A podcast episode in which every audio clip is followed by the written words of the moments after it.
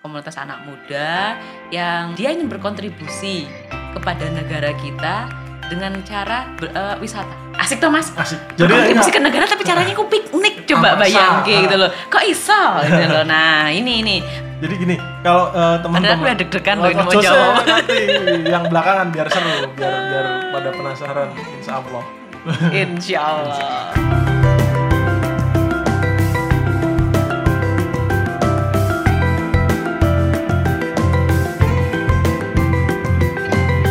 Bun, assalamualaikum. Ketemu di temu konco podcast obrolan saat bertemu kawan. Sap di episode perdana kali ini dan menjelang eh, libur panjang karena sekarang hari-hari terakhir Lebaran, eh, ya hari-hari Lebaran Ramadan maksudnya hari-hari Lebaran puasa Ramadan dan mendekati Lebaran maka eh, buat edisi perdana temu konco podcast ini saya eh, mendatangkan seorang teman Cie. yang eh, ya ya ya cukup punya pengalaman yang lebih dari melimpah lah kalau cuman masalah pariwisata tempat jalan-jalan ya gitu Eh, teman-teman yang anak-anak eh, sering online zaman sekarang mungkin eh, cukup eh, akrab di dengan dengan akun dia gitu dan orang-orang lawas ya yang pernah main multiply.com kuno tenan nih zaman kapan juga biasanya tahu dengan beliau gitu. Ini dia Mbak Pipi. Yeay. Pipit ini eh, at pacar kecilku gitu. Jadi eh, konon di beberapa pasangan sering menimbulkan salah paham ketika cowoknya mention-mentionan sama itu sokap tuh ada orai can jeneng aku nih kuwi kuwi. Jadi eh, kalian bisa menemukan Mbak Pipit di Twitter ya Mm-mm. di at pacar kecilku itu. Informasi lain nanti di belakang biar Mbak Pipit yang cerita. Oke, karena ini juga mau eh, liburan panjang, eh, kita akan dengan Mbak Pit ngobrolin tentang liburan, khususnya liburan di Yogyakarta. Yeay. Jadi gini Mbak Pit, kan, kan terkenal tuh dirimu kalau posting-posting itu, wah aku lagi ada di mana, ad- ada di mana, lagi main-main di mana, itu posting eh, blognya juga lagi ngapain, lagi ngimain gitu. Dan dan ya mungkin karena udah saking kondangnya di luar Jogja semua rata-rata coba deh kalian lihat postingan terakhir berapa mesti jarang yang di Jogja. Ketahuan nih kipu nih. Sa- saya eh, temu konco podcast itu temu konco yang eh, niat dan survei. Jadi teman yang dia diundang ke sini mesti disurvei dulu. Tuh. Nah ngomongin tentang Yogyakarta eh, gimana mbak? Dengan sekarang kan semua daerah hampir hampir semua daerah menggiatkan eh, wisata di tempat mereka nih. Eh, Banyuwangi semakin dahsyat kayak gitu Labuan Bajo kayak ngono. Raja Ampat ya luar biasa gitu ya. Nah dengan para pesaing-pesaing baru ini sebenarnya Yogyakarta masih oke nggak sih di sebagai sebuah tempat wisata gitu Eh kalau saya kita melihatnya dari Kemenpar dulu ya gitu loh. Eh, Kemenpar itu dan pemerintahan yang sekarang ada itu merasa bahwa pendapatan terbesar kita itu memang dari pariwisata. Itu makanya kemudian kita Indonesia apa Eh, kita Indonesia Indonesia, bukan gitu. bukan saya ya. Eh, Nanti saya dikira agen tour and travel Oh, gitu kan ya. Tapi kita secara Indonesia itu pendapatan terbesar itu eh, negara devisa itu berasal dari pariwisata. Itu sebabnya Bapak Menteri Pak Arif Yahya itu benar-benar menggenjot semua pariwisata di eh, istilahnya kalau sekarang tuh dari Sabang sampai Merauke. Nah, tapi kalau kita bicara Yogyakarta, nah ini loh bagian istimewanya. Eh, Yogyakarta tuh nggak pernah namanya eh, daluarso itu nggak Oh, pernah gitu. kenal gitu loh.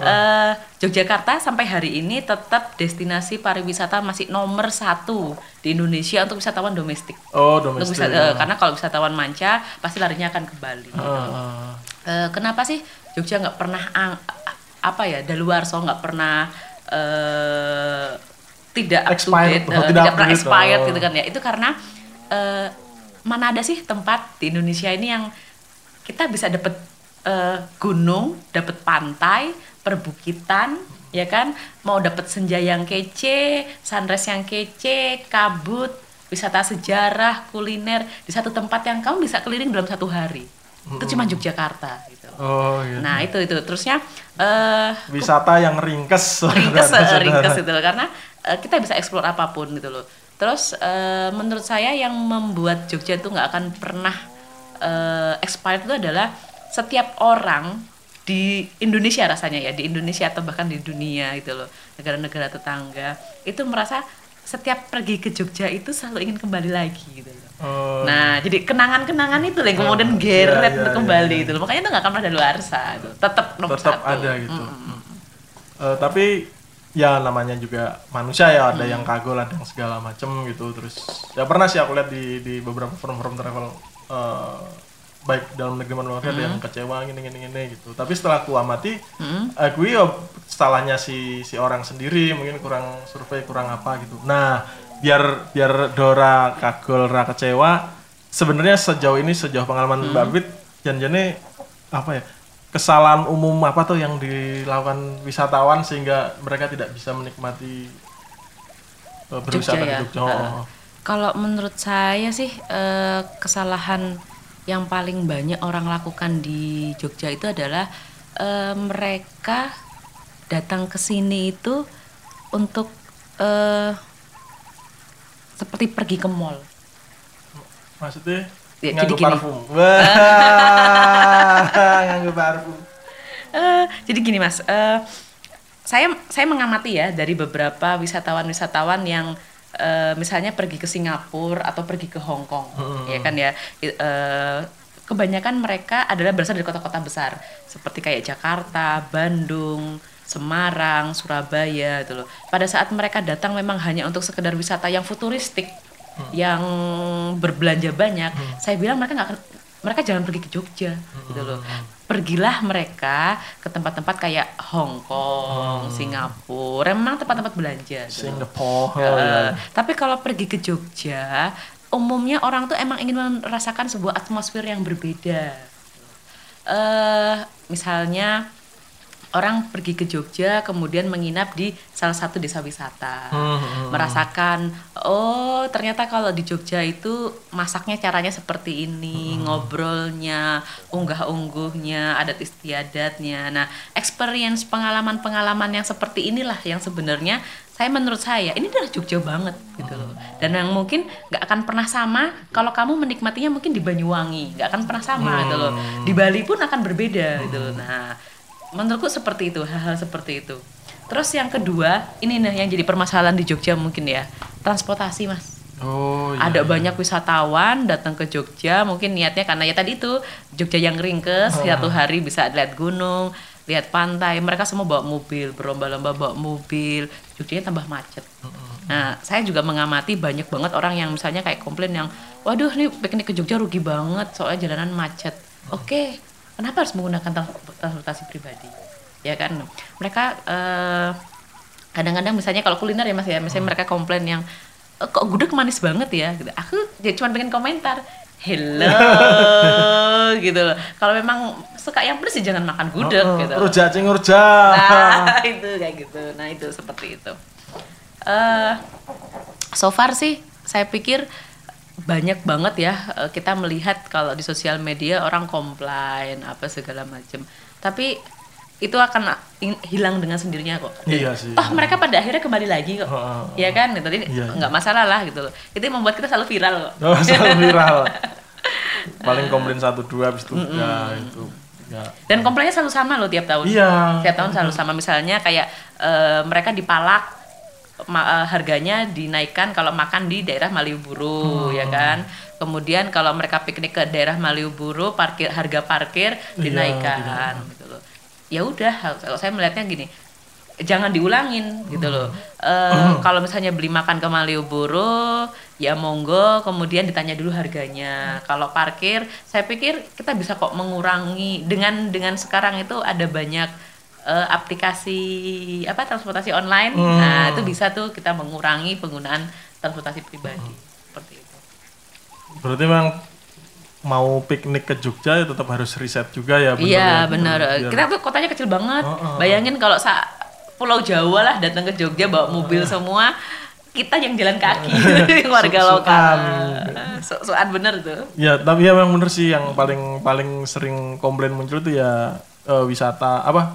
Macet. Ditutup di pas belanja ditutup itu apa? Dipukul. Nggak apa ketika kalian kalian teman-teman belanja di sebuah eh, warung makan gitu harganya ketika bayar mahal banget gitu. Jadi misalnya eh, makan nasi telur kerupuk dua itu 3 juta. Ora mungkin sih. Neng kurang lebih kayak ngono. Maksudnya semoga kira-kira kayak gitu itu Anu, itu bakul- adalah bakulnya kalkulatornya rusak eh, itu biasanya definisi ditutup kurang lebih kan kayak gitu definisi ditutup. Jadi eh, dan itu sering dilaporkan sering ada di media sosial dan di media massa juga. Eh, harusnya bisa jadi pelajaran gitu. Jadi hati-hati besok sebelum beli tanya dulu harganya. Nggak usah apa? Nggak usah gengsi lah. Mm mbak kerupuk telung yuta mending saya dibilang kere tapi tanya tanya dulu harganya pak. Ini kerupuk piro telung, telung yuta? Nggak usah. Nggak usah ditubas teman-teman Sama tapi kalau parkir memang rada angel ya Mbak ya. Iya, Mbak kalau parkir emang agak-agak su- su- eh, sulit lah dari dari sana. Memang juga kita melihat bahwa tempatnya kan juga terbatas ya. Itu mungkin jadi permasalahan kita semua sih untuk mengurangi penggunaan transportasi pribadi. Hmm. Jadi tetap biar amannya ini ya, ojol, ojol. Ojol, ojol, online. ojol. Oh, Naik Trans Jogja juga nggak apa-apa loh. Naik Trans Jogja juga nggak apa-apa. Iya. Selama keliling kota semuanya Trans Jogja ada. mm-mm. Semoga kalian tahu Trans Jogja itu yang mana. Sing warnanya hijau karo kuning. Hijau ya. sama biru ada biru sekarang. biru ada ya. Biru, Kan tayo. biasanya hijau sama kuning gitu. Tulisannya Tayo. Tapi bukan Tayo yang Hey Tayo, Hey Tayo.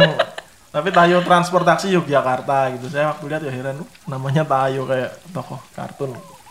Terus eh, oke itu kondisi Jogja kayak gitu. Semoga teman-teman dapat eh, apa bocorannya besok biar nggak kagul.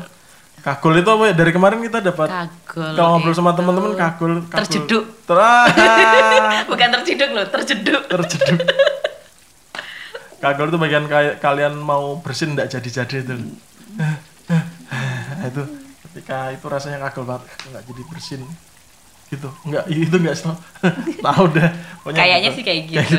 kecewa yang sangat amat sangat gitulah kagul Sing sakit, sakit tapi gak berdarah. Ya ya ya masuk masuk, masuk, masuk. itu jadi eh, hal paling mendasar itu kalau di Malioboro ah, di mana pun lah ya di mana pun, di eh, Malioboro sebenarnya ya. di mana pun. Transportasi itu paling penting sih untuk diriset pertama saat kita datang ke kota mana pun gitu.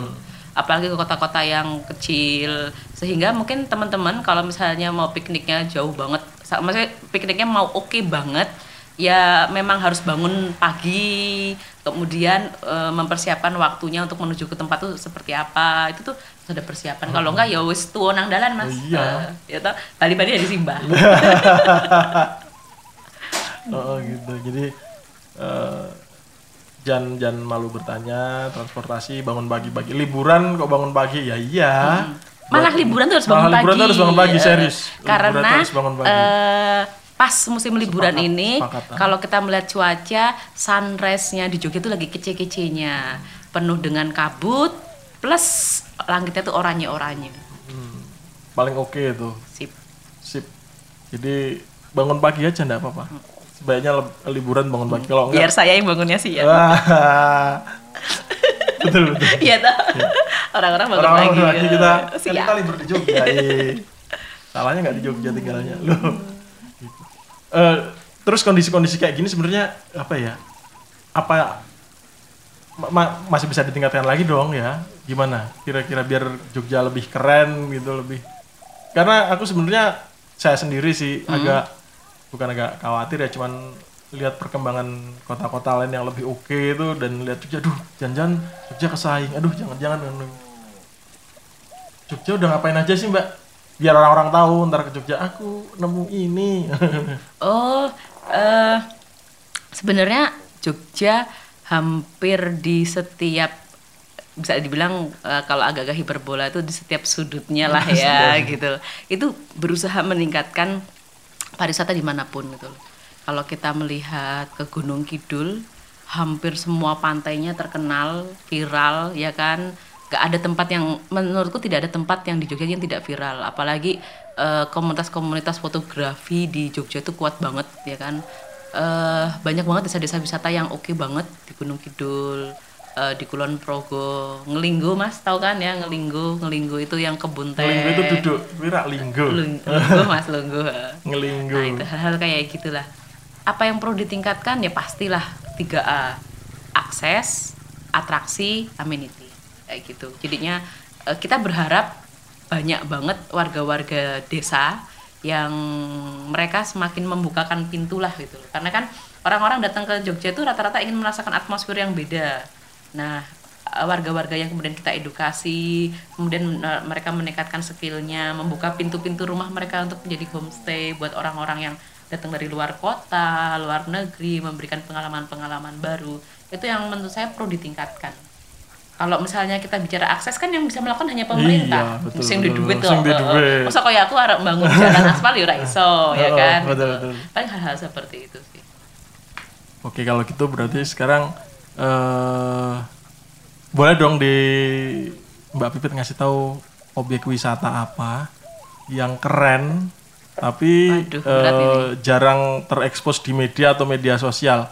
Itu ada satu tempat mas Oh. menurutku keren banget itu namanya hutan bengkung pernah dengar nggak Belum. Ini baru nih. oh baru nih baru nih ya Iya, oke nih?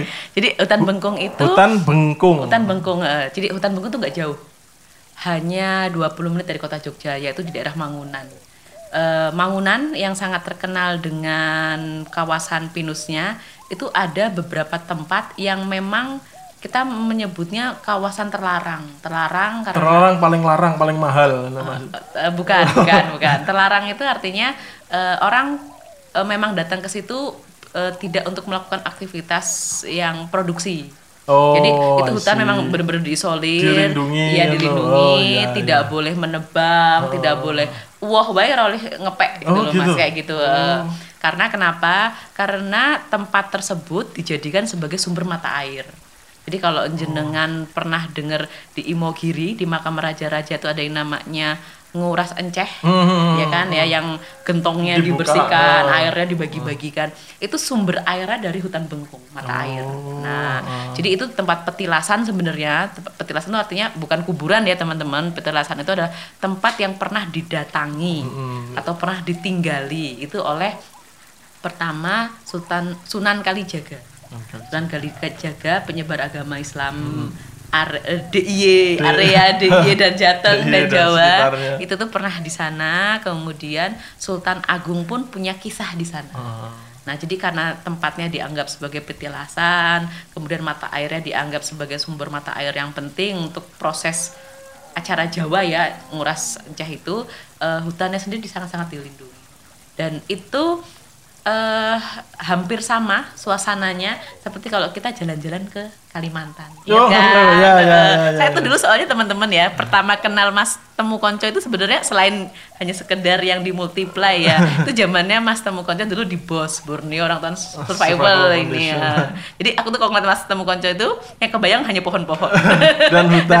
akar-akar gitu. Nah, nah itu itu tuh mengingatkan banget Mas. Bengkung, hutan Beng- Bengkung. Hutan Bengkung itu. Tapi boleh masuk uh, Boleh, wisatawan boleh, boleh, boleh? Jadi boleh. terlarangnya tuh Eh, terlarang itu untuk produksi, Untuk produksi, ya, misalnya kayak nebang, oh. buat apa segala macem itu tuh nggak boleh. boleh. Tapi kalau hanya kita sekedar datang, kayak kayak kami ya beberapa kali ngambil foto, ngambil video itu itu boleh itu. Nggak masalah. Namanya Karena kan yang Bengkung. dilindungi adalah airnya sumber mata air. Ancer-ancernya. Wah, Wih, ancer-ancernya. Ancer-ancernya gampang banget.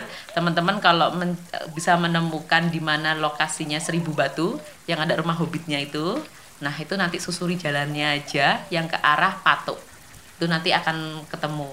Memang ag- memang agak sulit teman-teman karena memang dia tidak dikomersialisasi, tapi kalau teman-teman banget banget pingin ke sana jenengan bisa mencari yang namanya Mas Aris. Mas Aris itu ketua pengelola dari koperasi yang ada di Seribu Batu. Hmm, Itu yang dulu nganterin saya beberapa kali ke situ, Mas. Mas Aris. Aris Purwanto itu Di mana dukuh endi ngono eh, bukan bukan dukuh, dia yang eh, ketua pengelolanya yang Seribu Batu yang ada rumah hobbitnya. Ket- Ketua pengelola Seribu Batu cari Mas Aris mau ke hutan. Bengkung. Karena lokasinya nggak jauh dari situ. Oke. Jadi semoga ini bisa jadi pencerahan besok Jarang banget yang ada di foto di situ mas. Jarang banget. Nah, Pohon-pohonnya sangat besar, pokoknya kayak di Kalimantan lah, keren banget. ke sana cobain, jangan ke tempat yang udah ada di postingan si seleb yang kui. Mau. Jangan yang kui-kui baik gitu loh. Apa bener repost. Banget ya. Nah, tapi jangan bawa plastik ya ke sana ya. Oh, betul, boleh, jangan, nggak jangan. boleh bawa plastik, nggak boleh. Tadi udah dapat eh, info bocoran tempat wisata yang eh, jarang dan belum umum di Jogja. Nanti setelah segmen ini eh, kita akan bongkar kuliner yang sama yang belum pernah diulik banyak orang. Tunggu setelah segmen berikut ini.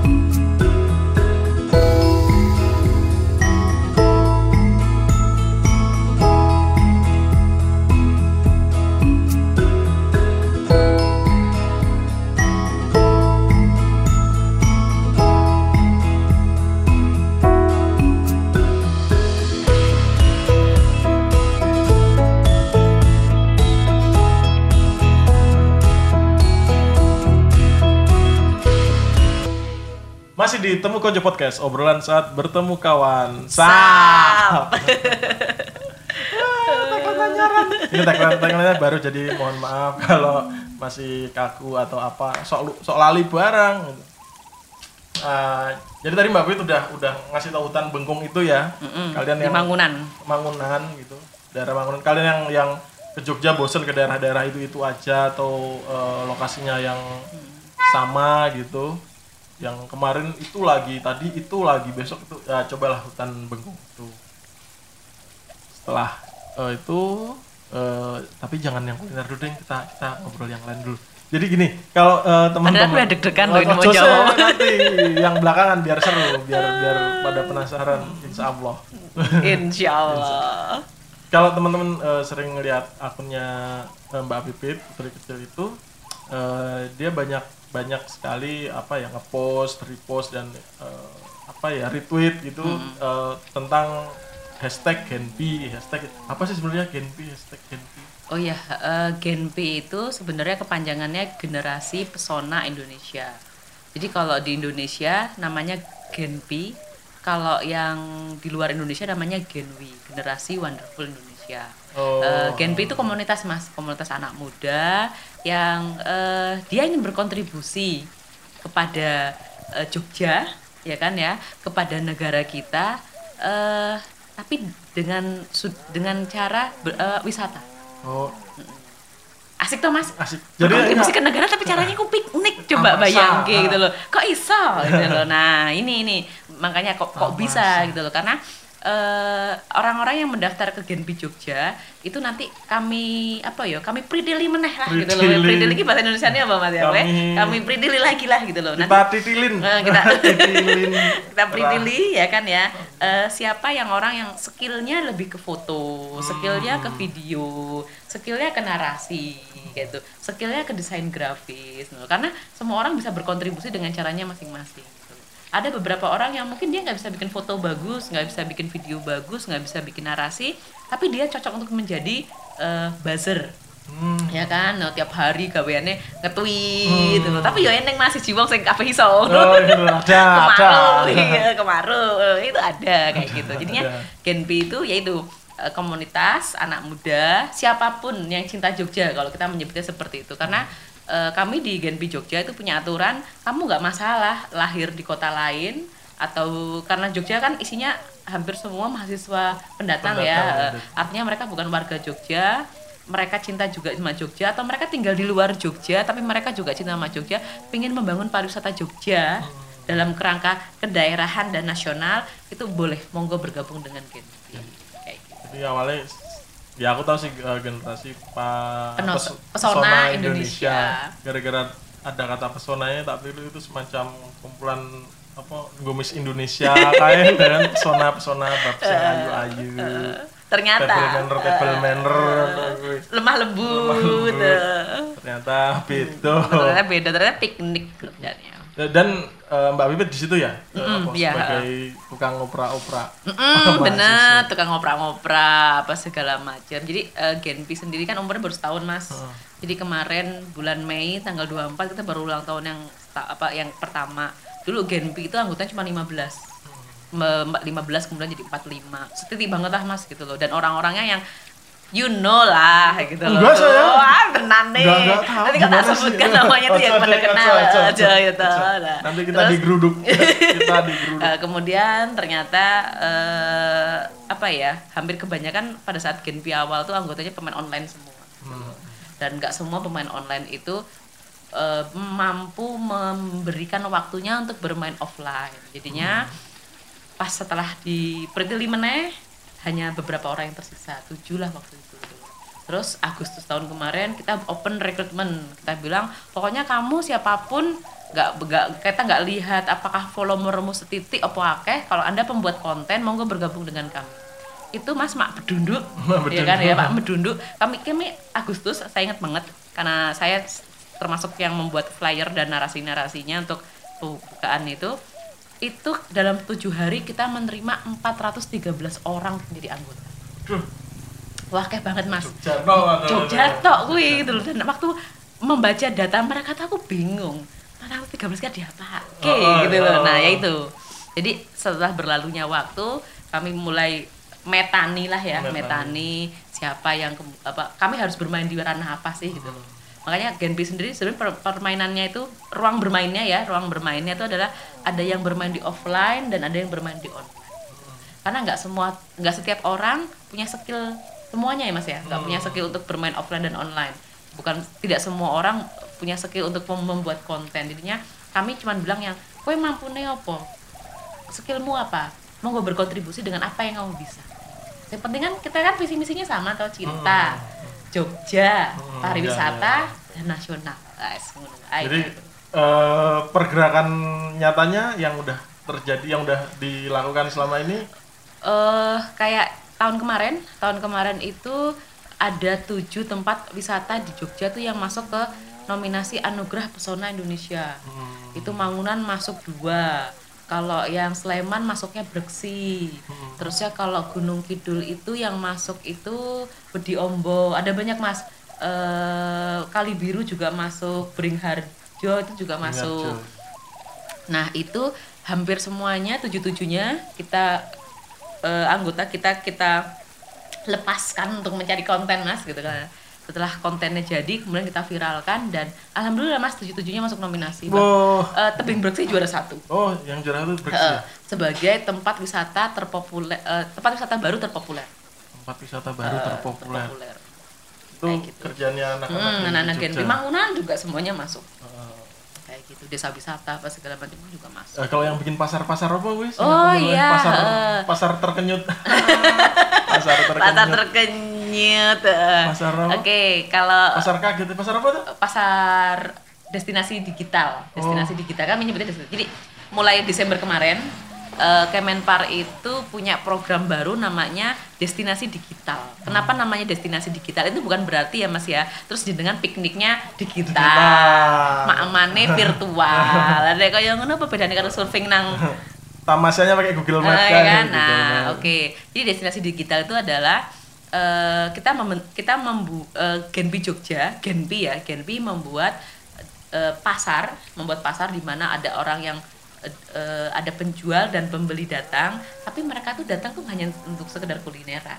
Mereka datang untuk ngobrol, bercengkrama, foto-foto. Eh, makanya kenapa kita menyebutnya destinasi digital selalu di tempat yang namanya pasar itu ada spot-spot yang Instagramable. Oh, itu Karena kami dibuat he- ya. he, memang seperti itu karena kami berharapnya ada yang satu orang berfoto di situ, kemudian kok ketok ayu, ganteng, kok tempatnya oke, keren, wah semua orang datang. Nah sebenarnya seperti itu. destinasi. Jadi tetapi bukan pasar yang tiap hari buka gitu Bukan, ya? bukan, bukan. Cuman Dia terjadwal. eh, sesuai dengan perjanjian awal. Maksudnya perjanjian awal, kalau komitmen awalnya dia buka hanya setiap hari Minggu pagi, ya Minggu pagi. Kalau dia eh, dari komitmen awalnya buka setiap Sabtu Minggu, ya Sabtu Minggu. Jadi beda-beda. Yang di Jogja apa aja? Dan Yang- Jogja tuh jangan salah mas ya kan ya biarpun DIY itu provinsi yang imut dan kecil, kita punya destinasi digital paling banyak se Indonesia. Kita punya delapan destinasi digital. Edan toh di tempat itu cuma satu, dua, kita nggak hanya lima, delapan. Di mana aja delapan? Delapan Ayo itu, oke, mudah-mudahan hafal. Eh besok Yang- tapi lebaran buka atau libur Oh, lebaran? tetap buka, Oh, buka, iya. buka. Jadi besok yang lebaran Jangan nah, jadi ini bisa. ini tolong dicatat ya.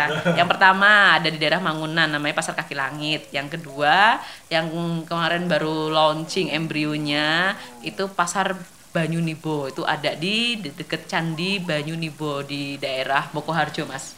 Kemudian ada juga Pasar Laguna Depok. Pasar Laguna Laguna, Depok. Depok, deket Pantai Depok ya kan ada pasar Muntuk. Terus ada juga pasar yang di Kulon Progo tuh Ngelinggo. Hmm, yang tadi itu yang minggu. Ngelinggo yang di kebun teh eh uh, telumannya apa ya lali ya. Pak ini Pak anak buahnya Pak Lalen. saya ya eh, pasar kaki langit Banyu Nibo. Oh sorry sorry mas tiga lagi. Nah ini yang teman-teman harus datang itu ada di Gunung Kidul. Yang satu namanya pasar Pampang. Yang kedua pasar Ngingrong. Pasar Ngingrong itu jadi sana ada gua mas namanya gua Ngingrong. Yang arah ke pantai Baron itu itu ada pasar di kebun-kebun di ke- hutan jatinya itu. Satu lagi di Telaga Jungi. Yang Telaga Jungi itu keren banget mas jenengan harus camping di sana karena matahari waktu paginya itu romantis Jungin, banget. eh, daerah mana tadi Pasar Pampang. Pasar Pampang itu Gunung Kidul semua, Pasar Pampang, Gunung Kidul itu Gunung Seman, Kidul luas eh, banget. Gunung Kidulnya Pelayen, Oh, Pelayen, Pelayen. Pelayen. Yang deket ini loh Mas, makam eh, Ki Ageng Mangir. Hmm. Eh kok Ageng Mangir? Ki Ageng Giring, Ki Ageng Giring. Tak Google wae. Ki Ageng Giring, Ki Ageng Giring Pasar itu Pampang. Pasar Pampang. Kemudian ada Pasar Ngingrong, itu deket Gua Ngingrong. Ada satu lagi itu Pasar Telaga Jungi. Oh, Pasar Pampang itu di Palian. Ah. Pasar Pampang itu di Dusun Pampang Palian. Kemudian pasar apa lagi? Pasar Eh, Ngingrong, Ngingrong. Ngingrong. Ngingrong. Ngingrong. Ngingrong. Nah, betul. Pasar Ngingrong Ada itu Ngingrong. di Gua Ngingrong. Daerah mana ya ini? pokoknya nek arek nang pantai Baron kayak ngeliwati pokoknya mas Oh gitu. Heeh. Oh iya iya iya bener nih di Iya Jalan kan? Baron ya di Jalan Baron. ada gua ngingrongnya tuh satu lagi pasar Telaga Jungi Telaga Jungi. Heeh, Manu nek kuwi Kan- Telaga Jungi. nggak jauh dari Kali Suci Telaga oh, Jungi Jungi. Karo sing nah ini Oh, indah iya, banget tuh mas iya, tempatnya iya. Heeh. Jungi, mas, iya, iki ya cocok nih nek nggawa keluarga honeymoon meneh. Suasananya gampang sayang jadi Eh, gampang sayang. Gawa sapa sing arep ditembak buat sini. Betul nih cocok banget pokoknya. Lihat sunrise po sunset, pas lagi bagus-bagusnya ditembak. Mesti mau. Karena gampang sayang. Hmm. Aduh hatiku.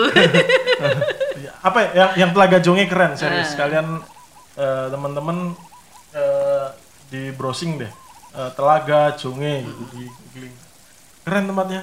Dan, itu tempatnya jangan salah mas, Eh danaunya kalau misalnya kita pakai drone dari atas tuh bentuknya kayak hati. Oh. Eh, dan itu punya cerita sejarah juga. Punya cerita sejarah dengan penyebaran agama juga kayak gitu. Yo petilasan lah sama petilasan juga.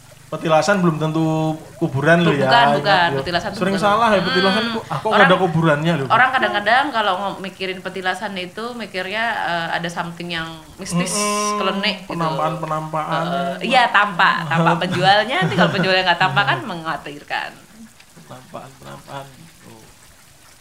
Kemudian eh, oh ya seiring dengan ini kan aku juga melihat banyak daerah wisata nih di Jogja, eh, desa-desa wisata segala macam itu udah mulai rajin nih bikin bikin akun media sosial sendiri, bikin posting-postingan dia sendiri gitu. Tapi Karena di desa biasanya ada podarwis mas. Pok Darwis. Ada podarwis kelompok sadar wisata. Nah itu biasanya lewat dinas pariwisata ya kita menyampaikan bahwa ini podarwis itu memang harus dilatih secara sosial media. Hmm, Jadi biar mereka apa ya melek media nggak gagap media mereka karena bagaimanapun untuk membuat sosial media menceritakan kepada publik lah ya untuk menyampaikan membuat persepsi kepada publik itu yang sebenarnya paling ngerti desanya kan hanya warga situ bukan kami yang datang kan gitu.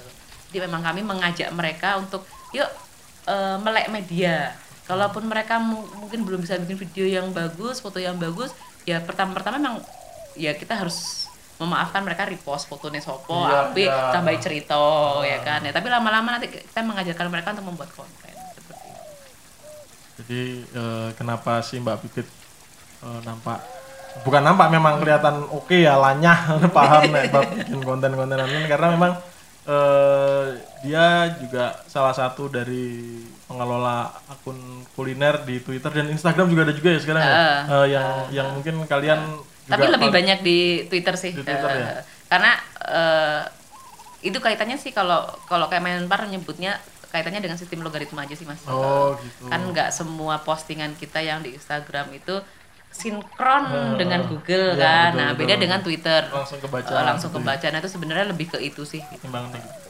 Jadi mungkin kalian udah udah follow akun yang mau saya sebutkan ini akun yang dipegang sama Mbak Pipit. Jadi akunnya namanya apa Mbak? kuliner Yogya pakai Y Bukan pakai C ya. bukan pakai J Kuliner Yogya itu yang mendirikan siapa sih? Eh kalau yang mendirikan itu bareng-bareng ada Mas Aswin, ada Mas eh, Tuki, Oh, oh, oh. banyak banyak banyak banget. Jadi jadi zamannya dulu kita masih muda, walaupun sekarang tetap muda ya, Zaman- gitu loh. Eh, Zaman Twitter itu masih bisa tweet longer itu loh, Iya, Akunnya. ingat kan masih bisa pakai SMS. Bisa pakai SMS. itu zaman jadul banget. Pakai Uber Twitter. Wah. Nah, ya Allah Uber. nah Jadi itu zaman zaman zaman da- jadul banget. Eh, temen ada satu temen yang bikin akunnya. Oh. Kemudian eh, waktu itu karena kita masih mahasiswa, hidupnya masih begitu indah ya Mas ya, tidak perlu dengan beban. Jadi kalau ke pagi kami sarapan di sini, nanti ada yang nge-tweet. Eh, nanti janjian Mas, yang siang yang nge-tweet kamu ya. Nanti makan di mana sore gimana malam di mana gitu loh. Dan itu menjadi sebuah kayak habit akhirnya. Habit terus menerus dan dan kami nggak pernah nyangka kalau hanya sekedar iseng-iseng seperti itu banyak yang follow ternyata pada saat itu. Nah itu yang kemudian membuat kami ya semakin semakin apa ya bunga lah nih, wong Jawa udah bunga seneng gitu loh dan alhamdulillahnya memang eh, waktu itu memang belum terlalu banyak ya orang-orang Iya. yang bergerak di seperti itu eh kami jadi diundang ke mana-mana lah Mbak Awi Karin belum pegang handphone. Oh belum belum Mbak belum, Karen belum. mungkin masih kecil eh, walaupun kami juga masih kecil eh. dan itu yang membuat badan kami semua tambah besar diundang makan sini sana sini. Jadi jangan terus Ya itu ter- terus ke sininya sendiri eh, jadi kami berdelapan masuk ada berdelapan eh, sak selone ya kan digilir siapa yang pagi siang sore semuanya nge-tweet. Saat itu kami hanya modalnya handphone mas. Jadi modal handphone sama kuota karena kami belum punya kamera seperti yang saat ini kami punya. Belum kamera saya mendang kamera ini larang kamera ini babit larang. Kamera ini babit larang. Mengarah pamer loh Iki. terus belum bisa bikin video jadinya memang seadanya waktu itu. Tapi ya itu alhamdulillah memang menjadi apa ya jadi kita jadi kayak semacam bertukar informasi lah gitu loh. Dan biasanya sih yang benar-benar bisa bikin trending itu mas kalau kita nge-tweetnya malam. Nah ternyata di Jogja itu orang kalau sudah malam sekitar jam 9 ke, ke malam itu kabeh wong selo.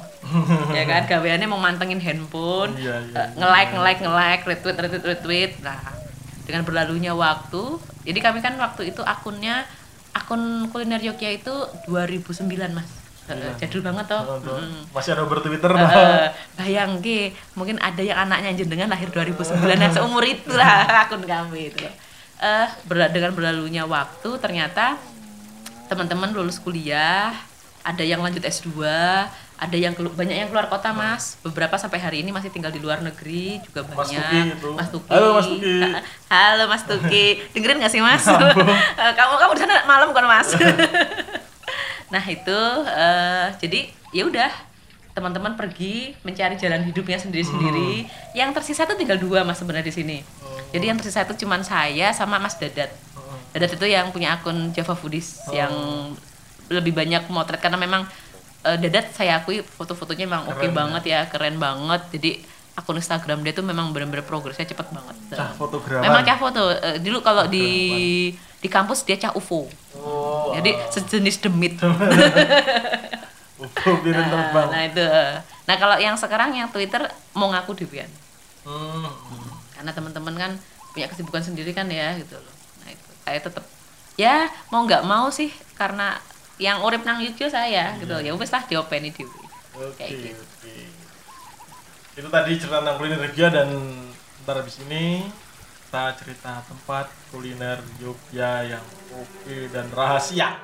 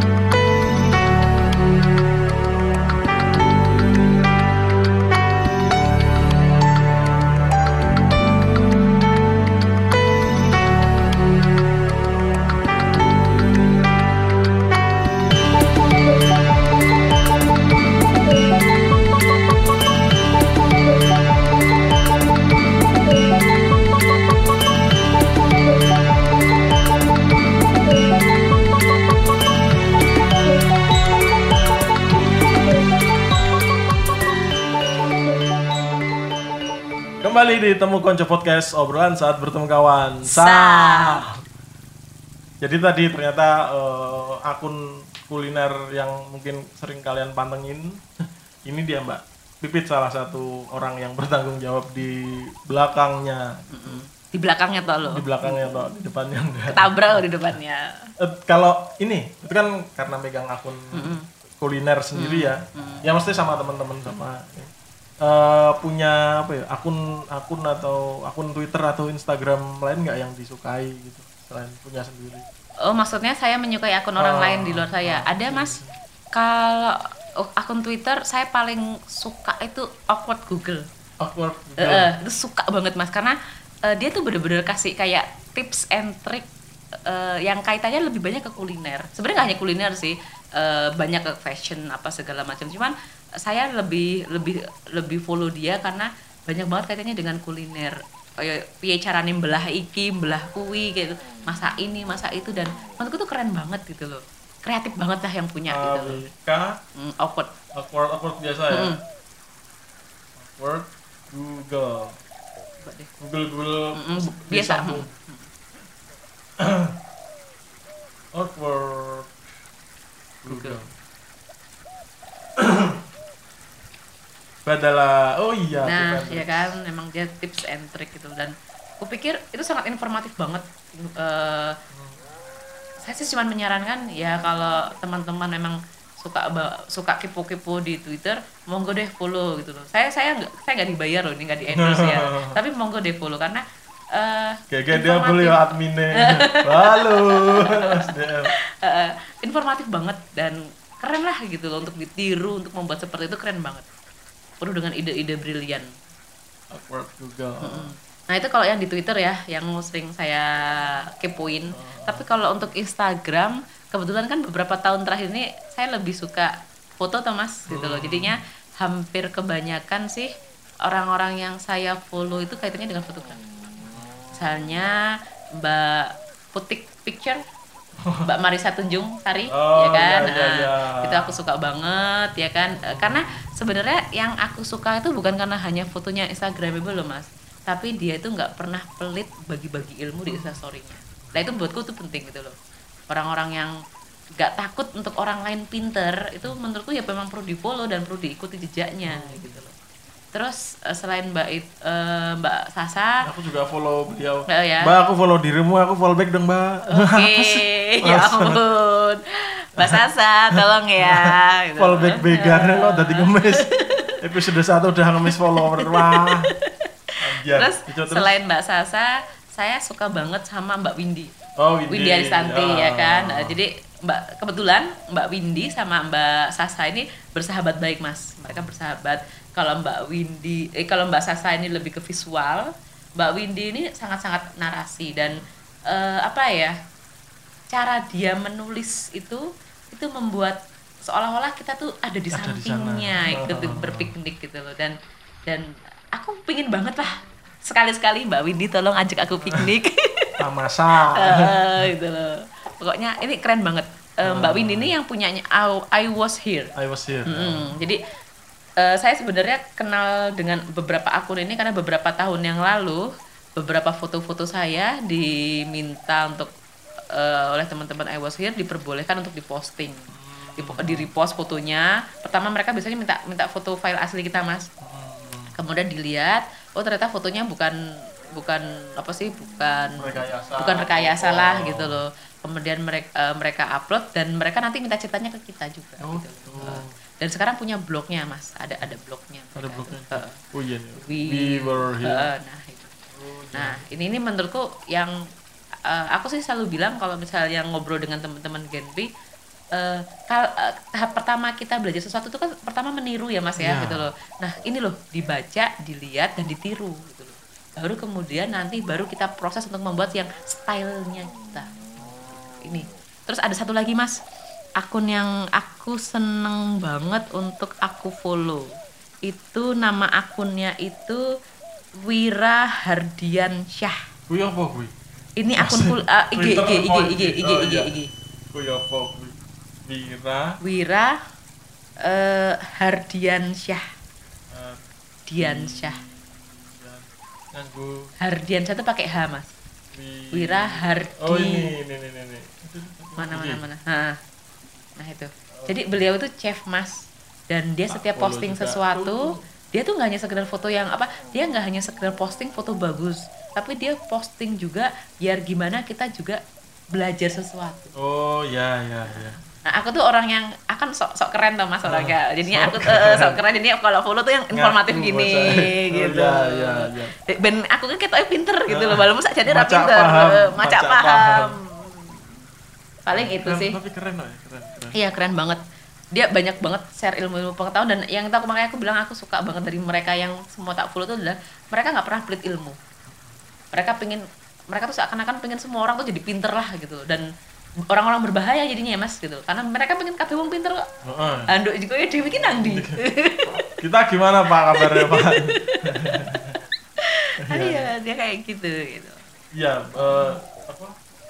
Tidak pelit ilmu memang tapi Mm-mm, eh, beliau-beliau nah itu. itu. sangat kalau blog masih masih nulis blog ya putri kecil Pacar eh, kecilku. pacar Heeh. oh putri kecil pacar kecil.comnya masih masih oke pacar ya. kecilku.com. pacar kecilku.com pacar kecilku Jadi eh, kenapa sih nama orang-orang kan pasti bertanya kenapa nama blognya pacarkecilku.com? karena belum digelepungi nek digelepungi tadi gede padahal gedang Emange pisang es pisang hijau. Es pisang hijau. Jadi zaman dulu banget, zamannya saya masih unyu-unyu lulus SMA, saya bikin akun di Multiply itu namanya pacar kecilku. Itu terinspirasi dengan salah satu puisinya Om Joko Pinur. oh Nah, terus karena sudah punya merasa ya, mau merasa loh Oh. iki, merasa punya banyak teman. Jadi kalau misalnya ganti nama blog, kemudian teman-temanku lupa padaku, Oh, ya iya. kan? Jadinya biar tetap eksis gitu loh. Pada saat ya you know lah, multiply kemudian ditutup, ya kan? Nah, kami membuat akun baru dengan nama yang sama, pacar kecilku dong, oh kayak gitu. jadi coba kalian lihat di sana fotonya juga keren keren terus isinya juga bagus kok Tapi kalau di blog sendiri, aku malah agak sedikit beda mas, karena maksudnya bedanya Kan seperti beda. ini. Beda. Kan beda. Eh, Kemaki banget ya. Eh, maksudnya gini, eh, kalau orang kenal aku di Twitter dan Instagram itu lebih ngomongin traveling, lebih ngomongin ke kuliner. Aku kalau di blog tuh lebih suka baca, follow orang-orang yang bicara sejarah, sejarah candi apa segala macam. Tahu interestnya di situ? Di rodok-rodok ya kuwi lah. Cen cah kemakin lah harus kaya ngono lah kan gaya jen aku. Anu maca wangun.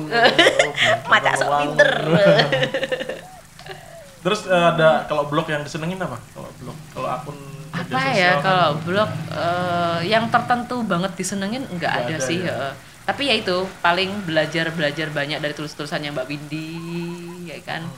kalau yang era-era lama itu eh, saya lebih banyak ke ini sih mas lebih ke blog walking nggak harus follow subscribe. satu satu orang tuh enggak tapi blog walking saya juga follow punyanya Mas Temu Konco dulu loh zamannya Tumblr-nya belum ditutup sekarang Pak pemerintah tolong Pak pemerintah. Tolong buka. Tumblr saya belas Rano Saruni sumpah yakin di sini makanan. Punya aku ya loh dan itu banyak menurutku ya banyak cerita-cerita penting yang tak biarkan di Tumblrku dan sekarang nggak bisa aku ambil lagi diakses, gitu loh. Dan padahal ingatan kita ingatan kita di sana ya mas Iya. ya zaman ini beri awal kaca maam nang nah nah gitu. nah aku ora ora aku nek aku ora. Pak pemerintah tolong ya Pak. Menkominfo Tumblr dibuka itu ndak saru punya saya yakin Mbok hambok tenin. Ambok ambok geledah terus kan udah ke mana di Indonesia, ke Indonesia udah ke mana aja Pak Kalau Indonesia semua hampir semua eh, kayak Sumatera saya udah keliling. Jawa pasti ya. Bali, Lombok, Kalimantan tuh hampir itu ah, Kalimantan tuh pulau yang paling paling sering saya datangi malahan. Semua udah saya kelilingin. Sulawesi sudah. Nah, yang Indonesia Indonesia bagian timur nih yang belum kayak Ambon, kemudian ke Papua itu yang belum. Ya, ah, kalau ada yang dengar dan ingin mengajak saya, saya selalu open Amin, amin, loh. amin, ya Tolong ya teman-teman, masa age gitu. Urung tahu ke arah dari timur. timur tuh yang pa- paling pengen didatangin Ambon. Ambon, ya? Ambon, Ambon. Jadi aku tuh pingin banget eh, menelusuri tempat-tempat yang semacam kayak Banda Neira. Oh. Ya kan ya. Ya, Tempat-tempat suka yang Banda Neira. pernah didatangin oleh apa? Yang pernah kasarannya pulau-pulau yang ditempati Bung Hatta, eh, Bung Karno, tempat-tempat yang punya cerita-cerita seperti itu, Mas. Itu karena karena aku tuh aktif di komunitas sejarah kan kemudian saya tuh penuh dengan bayangan-bayangan sendirilah gitu loh. Biar eh, ya? ya, itu itu itu yang membuat saya ingin ke sana. gitu. Tapi kalau Papua mungkin eh, ya pingin sih ke Raja Empat apa segala macam gitu. Karena saya tuh kan seneng banget belajar antropologi, adat budaya. Eh, yo biasalah cah foto itu kalau ngelihat Cah sesuatu sing kayaknya keren di foto tuh saya saya pingin jepret jepret jepret terus nah itu ke tempat-tempat seperti itu sih pingin. Kalau saya pengen Banda Naira pengen banget Saya itu udah in- eh, saya pernah mas waktu itu dapat kesempatan ke sana cuman ya kui mungkin belum jodoh ya. Belum jodoh, Eh, ya. Jodoh di tangan Tuhan. Sedih aku. Jadi belum belum kesampaian. Ya maybe next. Oh ya tentang Banda Naira satu hal lagi yang eh, aku pengen marak ya aku pengen eh, membuat aku pengen ke sana adalah konon sih nggak tahu eh, teman-teman yang dengerin kalau kalau tahu eh, tolong diverifikasi di- bener apa enggak Eh, konon saking saking itu terkenal dengan pulau rempah-rempah kalau kita kita beberapa kilometer di lepas pantainya Banda Neira gitu udah kelihatan Banda itu konon kita udah bisa mencium aroma rempah-rempah gitu Jadi- Aroma pala mungkin ya, aroma maksudnya, pala ya pala. Oh, ya. itu bener apa enggak sih itu itu yang salah satu yang bikin aku penasaran Eh, aku pernah baca salah satu novel sejarah mas namanya judulnya Rahasia gitu loh. Eh, di situ salah satu diceritakan bahwa apa yang membuat eh, pala yang di situ itu begitu istimewa karena di situ juga dekat gunung berapi dan di sekitar di pulau tersebut dikelilingi oleh lautan jadi itu yang membuat dia istimewa oh no. Cuaca iklim Cuacanya. nah itu gunung api ini panas terus Heeh. eh, iya Heeh, is- rasanya buh koyo piye gitu loh. Dan Oh, bahkan gitu. mereka kan kalau bikin roti kemudian ditaburi dengan pala kan atasnya itu dan wah aku nek bayangin kan indah banget ya Mas. Oh, oh, ya. Swarga level ke ya. gitu, level kelima mungkin lah ya. bener bener bener Nah itu tuh impian salah satu impian-impian. semoga bisa Amin. Tolong ya kalau ada yang mau ngajakin monggo loh. atau ada perusahaan-perusahaan yang butuh karyawan di bidang komunikasi Promosi, gawean. tuh terus. Oke sekarang tadi kan udah janji ya mau Mbak Bit janji mau ngasih tempat-tempat kuliner Jogja yang eh, belum umum belum banyak diekspos orang belum ada di postingan banyak selebgram dan seleb tweet Tweet, gitu tapi yang ini kalau tadi wisata wisata tempat wisata kalau ini khusus wisata kuliner Wisata Nah, yang mana kuliner, heeh. apa aja mbak Mbak, Oke. kita kasih bocoran secara kuliner Jogja eh, gimana? Heeh, jadi inilah tugas berat saya teman-teman. Nah, jadi secara karena orang menyebutnya kuliner Jogja jadi dianggapnya paling pinter nih. Tapi ya oke. Eh, biasanya saya kalau mendapatkan tugas dalam tanda kutip Mas, ya kan, membawa beberapa tamu-tamu dari luar pulau Jawa atau bahkan luar negeri, itu biasanya saya ajak pertama Mas belusuan ke Pasar Gudean. pasar Gudean Pasar Gudean. Jadi pasar Gudean kalau teman-teman datang ke sana pagi-pagi banget eh, itu ada yang namanya gulai ayam. Orang ah, mengharap apa gulai masa gulai ayam Iya, serius? loh, serius? gulai ayam? Gulai ayam, Mas. Mau gulai ayam, tapi gulai ayamnya bukannya pagi. Yang pertama, yang kedua, harganya mau seporsi 5000, Bro. 5000. Enak ora? Oh, enak. Tenang, Sudah tiga generasi Mas yang jualan, Mas. Lima- Nanti cuer ininya ora. Wah, ora. santannya ya kental dan kita bisa melihat dia masak di situ karena masaknya pakai kuali yang dari tanah toh. Ah. Di situ nggak hanya sekedar eh, ada gulai ayamnya loh yang spesial, ada juga tongsengnya, ada satenya. Tapi yang biasanya kalau kita datang ke situ dan paling cepet habis sebelum jam setengah sembilan Hmm, pagi banget. itu gulai ayam Di mana Pasar Godian di, di pasar mananya tepatnya? eh piye yo nek wis ketemu pasar Gudean arah saka Jogja kae mlebu wae sisih utara Hmm. nah itu tapi dalam pasar loh dalam lingkup pasar Dalam pasar Eh, masuk sisi sebelah. utara. Nanti di situ ada banyak yang jual itu juga. Enggak, cuma satu. Mana ya? Cuma satu. Satu. Eh, mau satu itu Masuk Pasar Godian. masuk pasar Kok Gudean Gede- Godian tuh kita? Eh, kok kota gede? Gudean, pasar Masuk Gudean, nah, pasar Godian. Gudean. Nanti kita langsung ke arah yang parkiran motor, terusnya kita yang ke bagian sisi utara. Sisi utara jalan itu. Sisi utaranya pasar. Oh, sisi utara pasar. jadi Tapi Ah. dalam lingkup pasir dalam Oh, dalam pasar ya, Mas ya. pasar. Itu nanti ada yang jualan gulai. Eh, Dan dia sudah tiga generasi. Di generasi. Jadi saat sa hurung Indonesia merdeka tuh dia. Betul lah. Nah, jadul banget toh. Nah, dan di sampingnya gulai itu ada kupat tahu yang orang menyebutnya sebagai kupat tahunya Mbah Harto. Karena Pak Harto zamannya masih sugeng, Oh. ya kan ya, itu favorit banget. Dia kalau pulang ke rumahnya itu di Kemusu, Kemusuk. dia pasti pesennya kupat tahu. Nah, itu itu kalau kita bicara daerah Gudean. Yang next Jadi yang pengen jadi presiden mungkin bisa ke sana nyicipi siapa tahu siapa tahu dapat polong. pulungnya. Nah, Terus eh, agak ke utara lagi ada namanya Pasar Ngino, Mas. Nino. Pasar Ngino itu sebenarnya dekat dengan yang kalau orang-orang bilangnya yang terkenal tuh mie ayam goreng seyegan. Oh ya. Oke kan? Oke. Itu terkenal banget gitu. Aku bolak-balik sana Ra, untuk warganya tutup terus. Nah, Sebab. jenengan datangnya hari apa? hari apa itu sama Soalnya dia seminggu sekali libur. Pak enggak, sekali enggak pas liburnya udah dikasih tahu. Nah, pas terus libur. dia jualannya selalu pagi, ya Oh, kan? Itu. datang itu habis terus. Dia jualan sejam dua jam habis gitu loh. Dan dan menurutku mie ayam goreng seyegan kelebihannya adalah dia itu eh, punya prinsip gini mas. Aku jualan hari ini segini, entah ya wes. Jadi dia nggak akan nambah. Nah, nggak akan nambahnya itu yang tidak akan mengurangi cita rasanya. Hmm. Tapi saya nggak akan rekomendasikan itu loh. Oh gitu. Hmm, karena ayam goreng seyegan itu sudah terlalu banyak banget masuk ke selebgram. Ah, jadi Jadi saya akan me- saya Yang lain, yang lain dong, eh, cah kuliner kuliner Jogja. Sombong ya Oh. aku. Nah, eh, di dekatnya mie ayam gue goreng seyegan ada yang namanya Pasar Ngino. Eh, di Pasar Ngino itu ada yang namanya bajeman bebek, Mas. Baceman bebek. Bebek. Nah, itu teman-teman harus nyobain. Itu sama. Sudah tiga eh, generasi yang sekarang tuh yang berjualan itu adalah generasi ketiga. Bajeman bebek ini kalau warga sekitar saya kan pasti semuanya tahu. Legit, empuk, wah enak banget, Mas. Pokoknya kudu jajal. ini anu, take-nya pas puasa. Heeh, enggak apa-apa, enggak apa-apa. Tapi memang enak banget. Rana itu. Dan teman-teman ya, kalau datang ke sana tuh memang bener-bener harus meruput. Nah, iso setengah enam setengah kono. Setengah enam udah sampai sana. Heeh, heeh. Karena apa? Teman-teman udah jam setengah delapan tuh udah habis. Setengah delapan udah habis. Heeh, baceman Coba baceman eh, bebek pasar di googling ya biar teman-teman bisa google googling kalau pas di Jogja besok. Dan dan Jogja. dia belum terlalu familiar memang. Eh, maksudnya dia sudah itu termasuk kuliner yang jadul sebenarnya yang ada di Jogja, tapi nggak semua orang tahu.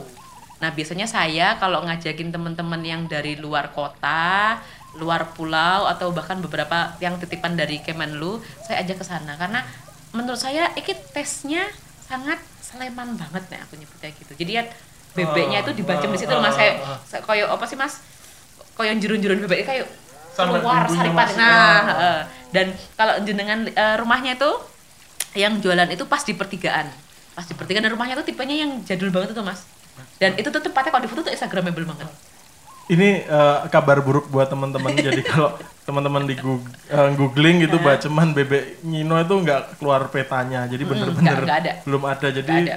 eh, ayo coba ancer-ancernya. Hmm, Ancer-ancernya. Memang eh, ancer-ancernya yaitu aku bilang jenengan sudah ketemu dengan eh, mie ayam goreng seyegan, ya kan ya. Kemudian jenengan tanya aja lokasi pasar Ngino di mana? Nah, nanti tukang bakminya nesu ah, kamu malah beli tempat orang tanya-tanya Oh, enggak, Mas, saya. enggak. Emosi dia. Ini kan warga asli Jogja, Oh, di mana gitu ya. rezeki itu harus dibagi-bagi. Oh. Gitu. Jadi nggak masalah. Dan itu enak banget mas. Jenengan harus nyicipi. jenengan jadi orang Jogja ora tahu Mamnam kuno rugi banget. Oh, padahal aku Sleman loh. Wah, di sini sini toh. Sebagai anak Sleman nah. Hmm, oke. Sekarang wis rampung ya Wes. Pasar Nginel. Kita ke utara, Mas, ke daerah Tempel. Tempel. Di Tempel itu menurutku ada dua ada dua makanan yang unik. Yang pertama namanya jenang upeh. Nah, apa? Heeh.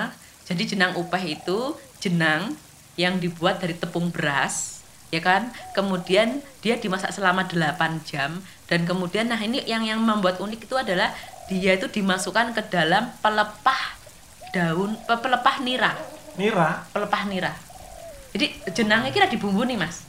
Tuh, Jenangnya ki nggak dikai nggak dibumbuni apa pun hambar gitu. hambar tapi karena niranya itu ada rosone toh nira itu kan gula merah ya Eh, iya, iya. itu ada rasanya nah eh, pelepahnya itulah yang kemudian yang akan mem- memberi Membuat dia rasa. rasanya gitu Oh. nah eh, jenang upah itu biasanya orang makannya kayak gantinya nasi dimakan sama tempe bacem Oh. tahu bacem kayak gitu dan itu reganya murah banget mas sewu untuk untuk akeh Di mana tadi itu? Eh, Pasar Tempel. di pasar tempel, Pasar Tempel. Teman-teman ke Pasar Tempel. Tempel. Jenang opeh ya? eh, jenang upeh Opeh apa ubi itu? satu pokok eh, jenang upeh mas ny- eh, nyebutnya jenang upeh kalau orang lafalnya Jawa itu jenang upeh nyebutnya nah itu biasanya satu wadah yang dibungkus dengan pelepah daun nira itu itu tiga tiga kilo berarti tiga kilo Oh. Nah, itu bisa banyak banget jadi Oh. nah dan itu yang jualan tinggal satu dan itu sembah mbah tua banget gitu makanya ini ini agak-agak apa ya nek dek wis keturunannya udah nggak ada yang menurun kan ya wis nggak ada gitu Langka. Mm. Tolong Ini termasuk- diamankan hmm, ya itu jenang diamankan. itu terancam langka berarti. bakule iki dodolane iki di pasar tempel yang nggak jauh deket apa nggak jauh dari apa stasiunnya kan mas bekas stasiunnya yang hampir ambruk lah. Oh. nah itu yang di atas jembatan apa stasiunnya nang dur jembatan loh bakule Oh. nang sore Iya, iya, iya, kok iya, aja iya. bakule nang dure Nah, nah kalau teman-teman ke pasar tempel ada satu lagi yang istimewa. Di sana itu ada mbah-mbah yang jualan sego jagung. Oh, sego jagung. Nah, jadi kalau biasanya kita makan jagung itu jagung yang manis ya Mas ya grontol, hmm. kayak iklopo, kayak igulo. Ini bener-bener sego jagung yang teman-teman itu bisa beli. Besarnya itu seperti uh, gula Jawa tuh loh Mas yang setengah iya, iya. lingkaran yeah, yeah. batok. Uh, batok sak tangkup, sak tangkup kayak uh, regane 1500. Bener-bener ini ya beras jagung itu. Heeh, bener-bener beras jagung itu. Jepang Itu biasanya satu plastik itu isinya enam. Serak ketok jagungnya tuh. Itu itu kan. ada yang warnanya kuning, ada yang warnanya putih. Biasanya orang kalau makan dicampuri sego titik ya Mas ya. Hmm. Habis itu baru mungkin pakai oseng-oseng lombok hijau apa segala macam gitu. Di saat di pasar lain sudah jarang diketemukan atau hanya kita bisa mencarinya di restoran-restoran mahal, di situ masih ada. Dan itu buatku ya harus dilestarikan gitu. Telu ya Mas ya, Ah. papat. Ah. Tongseng Pak Kribo. Di mana itu? Sing arah pasar arah nang Gracia kayak apa jenenge pasar apa? Aku pacar radung nih. itu di mana sih?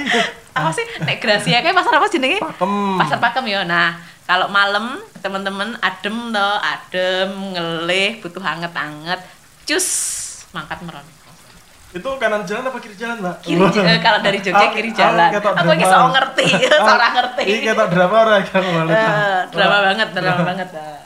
Jadi nah arah berarti kan kalau kali Kaliurang gitu ya Hmm, pasar. Kaliurang, Pasar sebelum Pakem. pasar Pakem sebelum ke arah Gracia loh teman-teman. Nanti kiri jalan, Jalan. di emperan toko ya kita bisa Hmm. nyebutnya seperti itu. Bakule kuwi rambutnya gede banget. Terus selalu nganggo dasi kupu-kupu. Itu jenenge Pak Kribo, tongseng Pak Kribo. Sebaiknya datang jam Bar Mas. Nek jam songo entek. Terus satu lagi Mas, kita agak ke utara dikit ya. Ke utara dikit tak pilih no tongseng kopio Mbah Ganis. Wih. Nah, tongseng kopio Mbah Ganis kui. Ya Ini kan? lagi aku ngerti tenan. Ha. Ini bukan drama, saya nggak tahu kalau Oh, biasanya sih aja percaya kanca-kanca ya rada-rada ngapusin ya Mas temu kanca iki ya. Eh daerahnya sekitar Telaga Putri Mas. Oh, oh, dhuwur tenan iki. hmm, jadi eh tongsengnya itu dari daging kelinci, ya kan? Tapi dicampuri karo telur. Oh. Jadi kayak dikopiok. Oh. Nah, iki rekom termasuk sing apa ya saat kita bosan dengan makan sate kelinci yang itu itu Biasa saja aja. yang terlalu mainstream. Oh. Nah, monggo mencoba ini dan dan tapi ini bukan ke- kuliner apa bukan kuliner kekinian loh. Oh, Memang skep Rikolo ya. zaman semono aku cilik dan lagi Oh. tetap cilik loh ya kanca-kanca. itu tuh masih ada. Oh, Eh, baru tahu. Terus, Terus Ma- yang tongseng kelinci biasa ndak Mm, kurang greget gitu kan ya Oke oke. terus mas next ya Wah. kita ke Turi Turi. Itu bagi teman-teman yang mencari makanan pedas di Jogja di mana sih? Nah, monggo wajib mencoba entok selenget. Entok selenget. Entok. Maksudnya entok itu mentoknya itu saja. Heeh. Eh, Eh, entok Selenget. Pak Tanir. Selenget, selenget apa selenget tadi? Selenget, Selenget tuh sebenarnya. ya. Sembuh orang ngerti aku pokoknya enak wae Mas ngerti. Oh iya ini Kang. Tanir. eh. Heeh. Dan ini sangat-sangat populer. Populer bagi yang suka pedes. Nah, bagi yang suka Eh, pedas, eh, nek orang nggak pedes suka pedas sebaiknya jangan daripada liburan kalian diisi dengan bola bali WC, Tuh, kamar tidur WC, kamar tuh, tidur ya. malah mules perutnya. tidak bisa menikmati Heeh. toh. Ini Tapi pedesnya dahsyat ini jadi pedesnya dahsyat. pencinta kuliner Eh, itu ya. betul. Kalau ada eh, saya inget banget beberapa waktu yang lalu Lebaran ada yang dia posting di Facebook marah-marah karena menurut dia panganan Jogja itu nggak enak karena selalu didominasi oleh rasa manis. Monggo ke sini Nah, dan rasakan betapa pedasnya. Pedas. Seperti itu. Terus aku yakin Mas ngerti Wah. selanjutnya adalah selondok renteng. Oh, ya. Nah, wajib iki ngerti Oh, wong Sleman ra ah, ngerti iya. ya yang ngisin-ngisini to. Selondok renteng ini menurutku apa ya?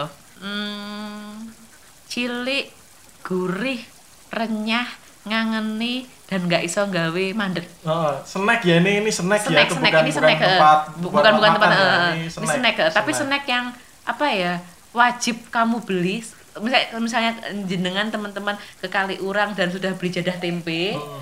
nah selondok renteng ini adalah salah satu pilihan yang teman-teman nggak suka sing jemek-jemek nggak Hmm, suka yang ya. manis-manis Yang kayak mas. pinginnya yang gurih kriuk-kriuk waduh. Selondok renteng itu enak banget. Apa meneh kalau jenengan makem soto makem bakso dilebokke kriuk-kriuk wah enak banget. Dilebokke nang cukang pempek ya son ya iki. Bulan puasa bulan iki puasa, ya. aduh itu pada loh ngiler semua. Tapi sebaiknya jangan jadikan selondok renteng ini anu eh, kado buat eh, orang-orang tua wong sepuh ya. Iya, coba. pasti Anu, dimarahin. dimut dimut mbah Karena- dimut dulu Karena ini keras, serius Eh, keras, keras, sekali. eh. Tapi buat gigi ah, anak-anak muda yang masih normal, oke lah masih masuk. Tapi gue yang kiai sepuh itu kasihan. daerah-daerah biasanya daerah-daerah yang terkenal selondok renteng itu daerah Pakem Iya. Nggih ya Pakem ada selondok renteng Pak Mul Pak Moh Mbok di City ya kan macam-macam lah Hmm, tapi eh, aku tuh sukanya yaitu mas kas kemudian di bener-bener di renteng di rentengnya pakai bambu itu loh Iya. teman-teman bambu yang ditipis itu ya itu kas banget lah itu ngangeni Ada di banget IG temu konco loh itu kalau kalian. Iya, Wih, dan di tumblernya yang dari tutup Oh, dan di tumbler yang ditutup sama Menkominfo. Oke, next ya. Next kita ke arah kota gede, Mas. Hmm, hmm. Kota gede, saya yakin teman-teman sudah sering dolan ke sana, nyobain segala macem kipo apa segala macem, tapi sekali-sekali yuk ke kota gede di malam hari. Hmm, Jadi teman-teman tahu toh makamnya Panembahan Senopati. Senopa, kalau teman-teman nggak tahu siapa Panembahan Senopati, Panembahan Senopati itu adalah eh, lelaki sih yang mendirikan kerajaan Mataram Islam. Nah, nggak jauh dari makamnya ada area Watu Gilang, Rodo Rono setitik, Rono setitik. Rono setitik, Kidul, ngalor. Ke selatan apa ke selatan, utara? kayak selatan ya selatan. Ngidul ya. ngidul setitik wae pokoknya itu masih tampak kok dari Watu Gilangnya. Itu ada yang namanya bakmi godok Pak Jo. Bakmi godok ya. itu jadul banget teman-teman. Kalau teman-teman tinggal lama di Jogja harusnya wajib tahu. Tapi rasanya itu tetap enak dan nggak berubah. Masaknya gue anglo mas. Hari nek eh, bapaknya bilang mas antri ke 15 ya jenengan harus bertahan sampai dua jam kemudian. Sakingnya ya. saking. Satu persatu. satu persatu. Tapi enak banget. Heeh. itu menurutku saya biasanya kalau ngajak beberapa temen dari luar negeri saya ajak pertama ke bakmi godok yang jenengan tahu tuh yang deket kuburan yang terkenal itu ya kan yang tempat instagramable. Hmm, sing disebut regone larang. Oh, banget kayak ya kan ya. habis itu besoknya besok malamnya saya ngajak ke Pak Jono. Oh, pasti udah jatuh cinta dengan Pak Jono. Oh. Dan yang ini loh Pak Jono. Oh iya iya Gitu no. ya, iya, iya. Dan yang masak halus Pak Jono. Yang masak Pak masak Pak Jono. Terus dewe request tolong tolong Pak Jono. Dilebokke ceker, arti, endas, Emang pete. request Pak Jononya ya? Heeh. tapi memang yang masaknya Pak Jono. Oh. Kalau di tempat lain kan yang mungkin yang sudah di di di tangan kanan kan Oh, kepada iya, anaknya iya, atau iya. pokoknya kok ini hanya Pak Jono. Pokoknya Pak Jono nganti pingsan masa Wah, kayak gitu. eh itu yang menurutku dari kota gede yang aku bahkan sampai hari ini kalau malam selalu rekomendasi ke sana mas Eh, Oke, kalau pas bulan Ramadan gini biasanya dia Bulan Ramadan gara telung dino ini. Ini launching berarti tiga hari lagi Eh, Ramadan. eh, biasanya gini teman-teman, ini hanya sekedar buat karena karena saya kan adalah salah satu pelanggan Pak Jono. Biasanya Pak Jono itu hari pertama, eh tiga hari awal Ramadan itu libur. Lebaran itu biasanya dari malam takbiran itu libur tiga malam mas. Hmm. Nanti habis itu buka seperti biasa. Oh, iya. Dia hanya butuh tiga hari untuk bertemu keluarga. Oh, gitu. Setelah itu kembali ke pelukan kita Lebaran mas. pertama, lebaran kedua terus kembali ke pelukan Hmm. para pelanggannya. Pelanggannya. Terus ada lagi yang mungkin teman-teman pingin coba mas kalau di pasar kota gede jamu batok itu loh mas. Oh, jam batok. Eh, jamunya selalu wadahnya tuh pakai batok terus dikasih jeruk nipis Oh, ya, ya. itu mungkin yang bikin apa ya Seger, ya. bikin seger dan eh kalau mungkin ada di tempat lain itu ya ini yang pertama Hmm. yang pertama tuh ada pasar kota gede kan pasar tertua ya yang ada di DIY gitu eh yang lain lagi mas nih saya tuh yang kita ngambil dari sisi kidul Gunung Kidul Hmm. eh sorry sorry sorry Eh, sebenarnya kita mau ngambil sisi kidul dari Gunung Kidul tapi ini agak susah dicari ini makanan khasnya Gunung Kidul tapi susah dicari di Gunung Kidul Oh. iya ya ribet tuh aku jelas gini ya. jadi eh, teman-teman tahu kan kalau kita ke Gunung Kidul itu yang khas banget itu adalah sego tiwul Ya, nasi ya kan tiwul. entah tiwulnya kemudian ada yang dibikin manis rasa keju rasa Oh. green tea rasa matcha rasa apa Oh, oh, tapi rasa green tea gitu. tapi yang Oke. paling enak itu adalah sego tiwul teman-teman nah sayangnya kalau kita makan di beberapa tempat restoran sego tiwul yang ada di daerah Wonosari mas ya regone larang banget Heeh. kita harus mengakui loh mas sebagai warga Jogja Iya sih. regane regane itu lebih cocok untuk orang Jakarta Heeh. Wah, jadi saya sarankan buat teman-teman monggo dolan ke pasar kaki langit Iki duduk karena mergo aku Oh, yang loh. kemarin ya, pasar kaki langit yang tadi, tapi ini ya. pasar kaki langit di pasar kaki langit itu ada sego tiwul, ya kan ya. Eh sego tiwul ditambahi dengan rebusan daun pepaya, sambel korek sing pedes banget, wader goreng sing renyah, kuwi sewadah kae Mas sepiring regane mung 4000 dan wareg banget. Oke, oke. Heeh. Pasar kaki langit tiap hari apa itu pasar kaki langit? Pasar kaki langit itu hanya buka Sabtu Minggu. Sabtu Minggu Pagi hari. Pagi hari. Tapi dijamin nggak ada harganya yang bikin kantong bolong. Pasar kaki langit. Mm-mm. Oke. Terus di pasar kaki langit ya, ini ada lagi yang teman-teman harus tahu ada yang namanya bubur kelanan. Teman-teman nggak akan bisa ketemu di tempat lain selain di pasar kaki langit naik bubur kelanan. Banyak tuh mas foto-fotonya. Oh. Nah, Eh lebaran buka ya itu ya pasar kaki le- langit ya? buka Lebaran ketiga. Lebaran ya? Kan Sabtu Minggu ya masalahnya. Sa- sa- pokoknya dia nyarinya Sabtu Minggu. oh, Sabtu. Sabtu. Eh, kalau yang namanya bubur kaki langit mas, eh sorry sorry kok bubur kaki langit, bubur kelanan. Jadi ini bubur warisan leluhure wong wong kono. Mas. Nah, jadi koyo nasi apa beras ya, beras, singkong, sayur, Oh, gitu apa segala dicampur gitu. dicemplung plung plung plung dimasak. Jenenge bubur kelanan. Biasanya jadi mereka bubur Manado mungkin ya, bukan ya? eh Beda nek bubur Manado itu kan pakai apa mas jenenge? Eh, kangkung. kangkung pakai yang ubi yang kuning itu Ah, apa jenenge? labu. labu labu kalau ini singkong Oh, jadi sebenarnya kenapa bubur kelanan itu hadir adalah karena di masa lalu orang Gunung Kidul itu adalah orang Manado. Eh. Adalah orang Manado yang susah nggak mendapatkan makanan enak. Oh, gitu. nggak pernah punya beras karena makannya kan tiwul Iya, iya. sekalinya punya beras sedikit padahal anaknya wakeh banget. Itu dimasak bareng-bareng cemplung no kabeh. Har- jadi satu wadah yang besar itu dimakan bareng-bareng. Dan ben kabeh ngerasake jenenge mambune sego iki kaya apa. Saiki banget ya jaman masaknya banget Iya, eh. rekoso banget pokoknya Mas. jadi nah itu masih ada di pasar kaki langit tuh. Dan itu perlu teman-teman tuh nyoba. Dan monggo diceritakan bagaimana rasanya itu Masih berapa lagi? Berapa lagi nih di oke listnya oke berapa oke lagi? oke nih? Berapa lagi? Nih, eh, dua lagi ya Dua lagi, ya dua oke dua darah lagi belum loh ini. Bantul, Bantul dan Oh, Bantul, Bantul. belum ini. eh loh nek neng pasar kaki langit itu kan albumnya Bantul Oh, iya, Mas iya, kaki langit Bantul. Oke, oke. Oke, Kulon Progo berarti? Kulon Progo pasti eh, yang bisa kita rekomendasikan satu geblek renteng. Oh. Geblek renteng Seli sinang jalan wates sing nek tumbas bakule mau buka sejam dan langsung habis ludes. Gitu. Uh, edan. Black renteng. Dan itu kalau teman-teman merasakan baceman tempe korone, itu baceman tempe koro yang paling enak sak dunia.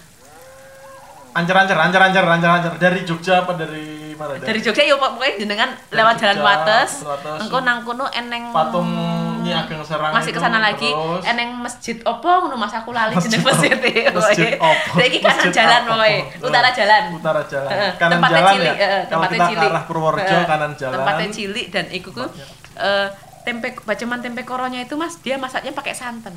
Tempe bengok itu ya? Heeh, tempe Oh, bengok, tempe bengok. Dia masaknya pakai santan, rempah-rempah dicemplung no kabeh blung blung blung blung. Rasanya gurih banget, Mas. Aku yang biasanya alergi. Nang kono ku malah pingin nambah terus. Oh iya. Dan iya. itu seporsi teman-teman itu cuma 5000 sekresek dan di sini akeh banget. Tak pingsan lah jenengan ngentek. Oh iya. Nah, itu tuh. Geblek bre apa? Geblek renteng Sally. Geblek renteng Sally. Heeh. Itu geblek-geblek adalah anak-anak Geblek yang itu geblek aci kayak lo. Aci ki kanji. Kanji.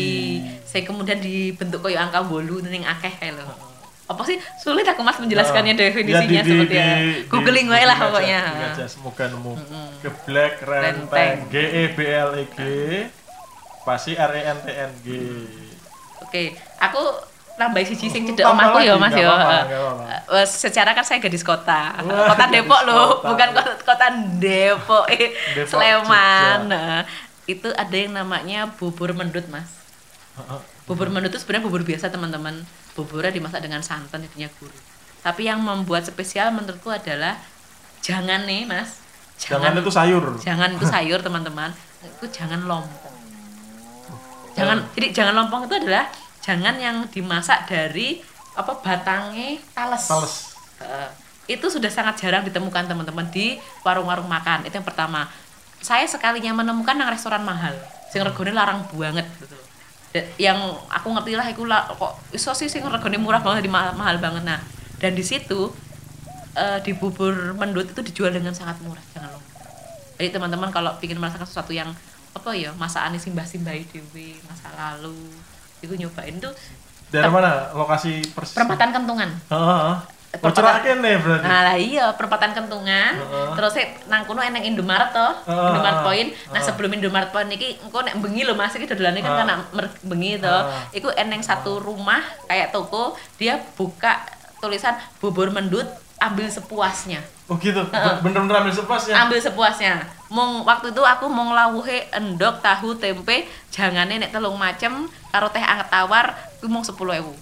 Bobore sak pingsane mame. Oke oke itu bisa kita Nah, itu malam-malam. Lebaran buka tutup ya katanya kalau lebaran. ngerti nek aku nek lebaran. Coba kita besok dicek-cek aja yang pengen mencoba eh, apa? Bubur mendut. Betul. Butuh butuh tambahan enggak iki, Mas? Apa apa apa? Oke. Coba satu lagi. Ada eh Pasar Banyunibo ya. Aku agak-agak promosi nih sebagian agensi. Eh di Pasar Banyunibo tuh ada yang khas nasi telang. Jadi bunga telang yang warnanya ungu itu Oh. ya kan, itu memberi warna ke nasinya. Tapi menurutku bukan hanya itu yang spesial. Eh nasi telang, wedang telang, di sana ada pecel kembang turi Mas, Oh, ya kan ya. Terus ya ada urap enak banget dan yang mungkin teman-teman sangat jarang makan adalah di sana ada katul panggang. Wih. Bayang no Mas, katul, Katul panggang. dipanggang. Terus Wih sangat jarang terjadi. katul, katul aja udah langka loh. Sekarang Ah. orang makan katul itu udah langka. Maka Ini katul ini dipanggang. katul dipanggang dan itu menurutku most recommended lah. Oke. Katul panggangnya itu. Dan Bu. yang pasti eh, nggak bikin gendut teman-teman. Kebanyakan katul ya Oh, iya, kan. iya. Nah, ini buat yang diabetes, buat yang lagi diet tuh monggo. Karbonya bersahabat lah ya. Eh, betul betul. Oke. Jadi itu itu sebenarnya baru sebagian kecil Baru ya. sebagian dari ini, sakjane tak catatan, cetok kayak lehak Kalau ini ini diceritakan nih bisa sampai lebaran selesai itu baru 40 hari, 40 malam nggak 40 hari, rampung, Mas. 40 malam.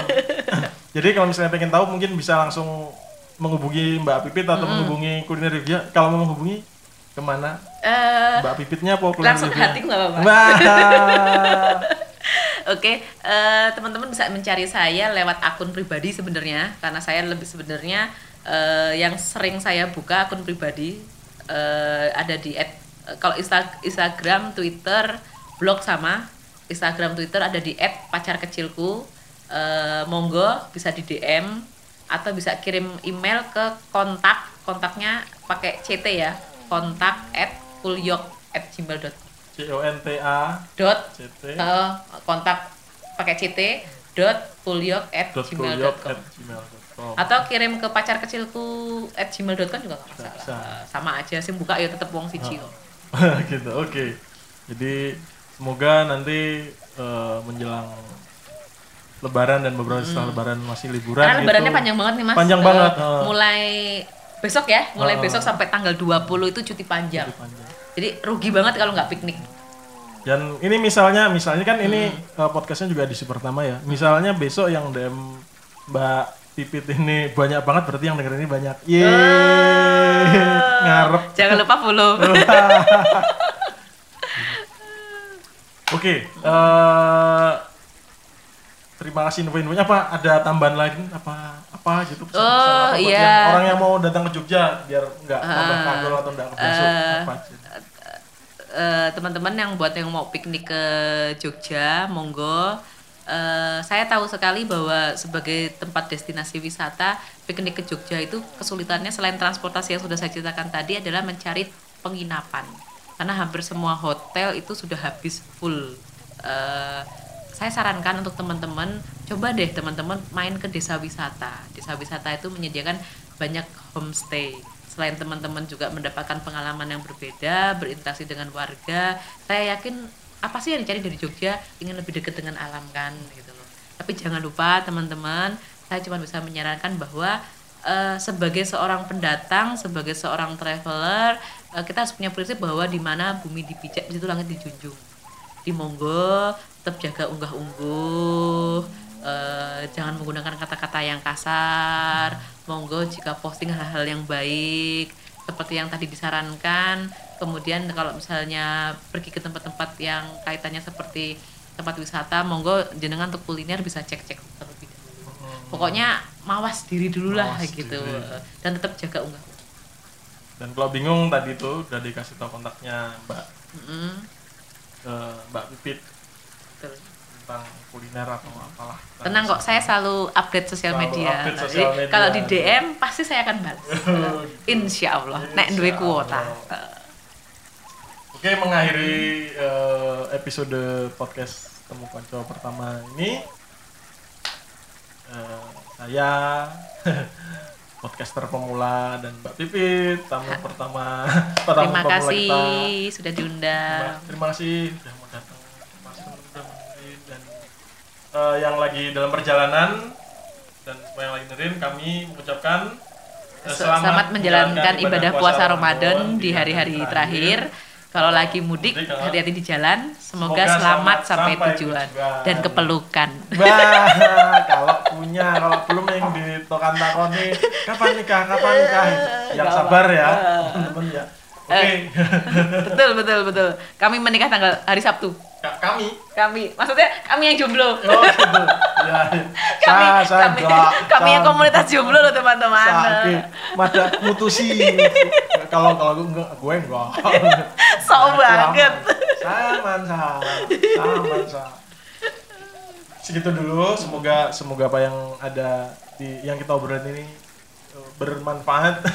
Amin dan Insya Allah ya berfaedah ya, Mas, ya. Faedah. Setidaknya eh, kalau cari tempat makan yang yang oke, yang nggak umum, yang unik tapi tetap enak, tadi bisa dilihat di mana aja. Kalau bingung bisa di itu aja dulu eh, temu konco podcast obrolan, Obrolan saat bertemu kawan Sa- Salam.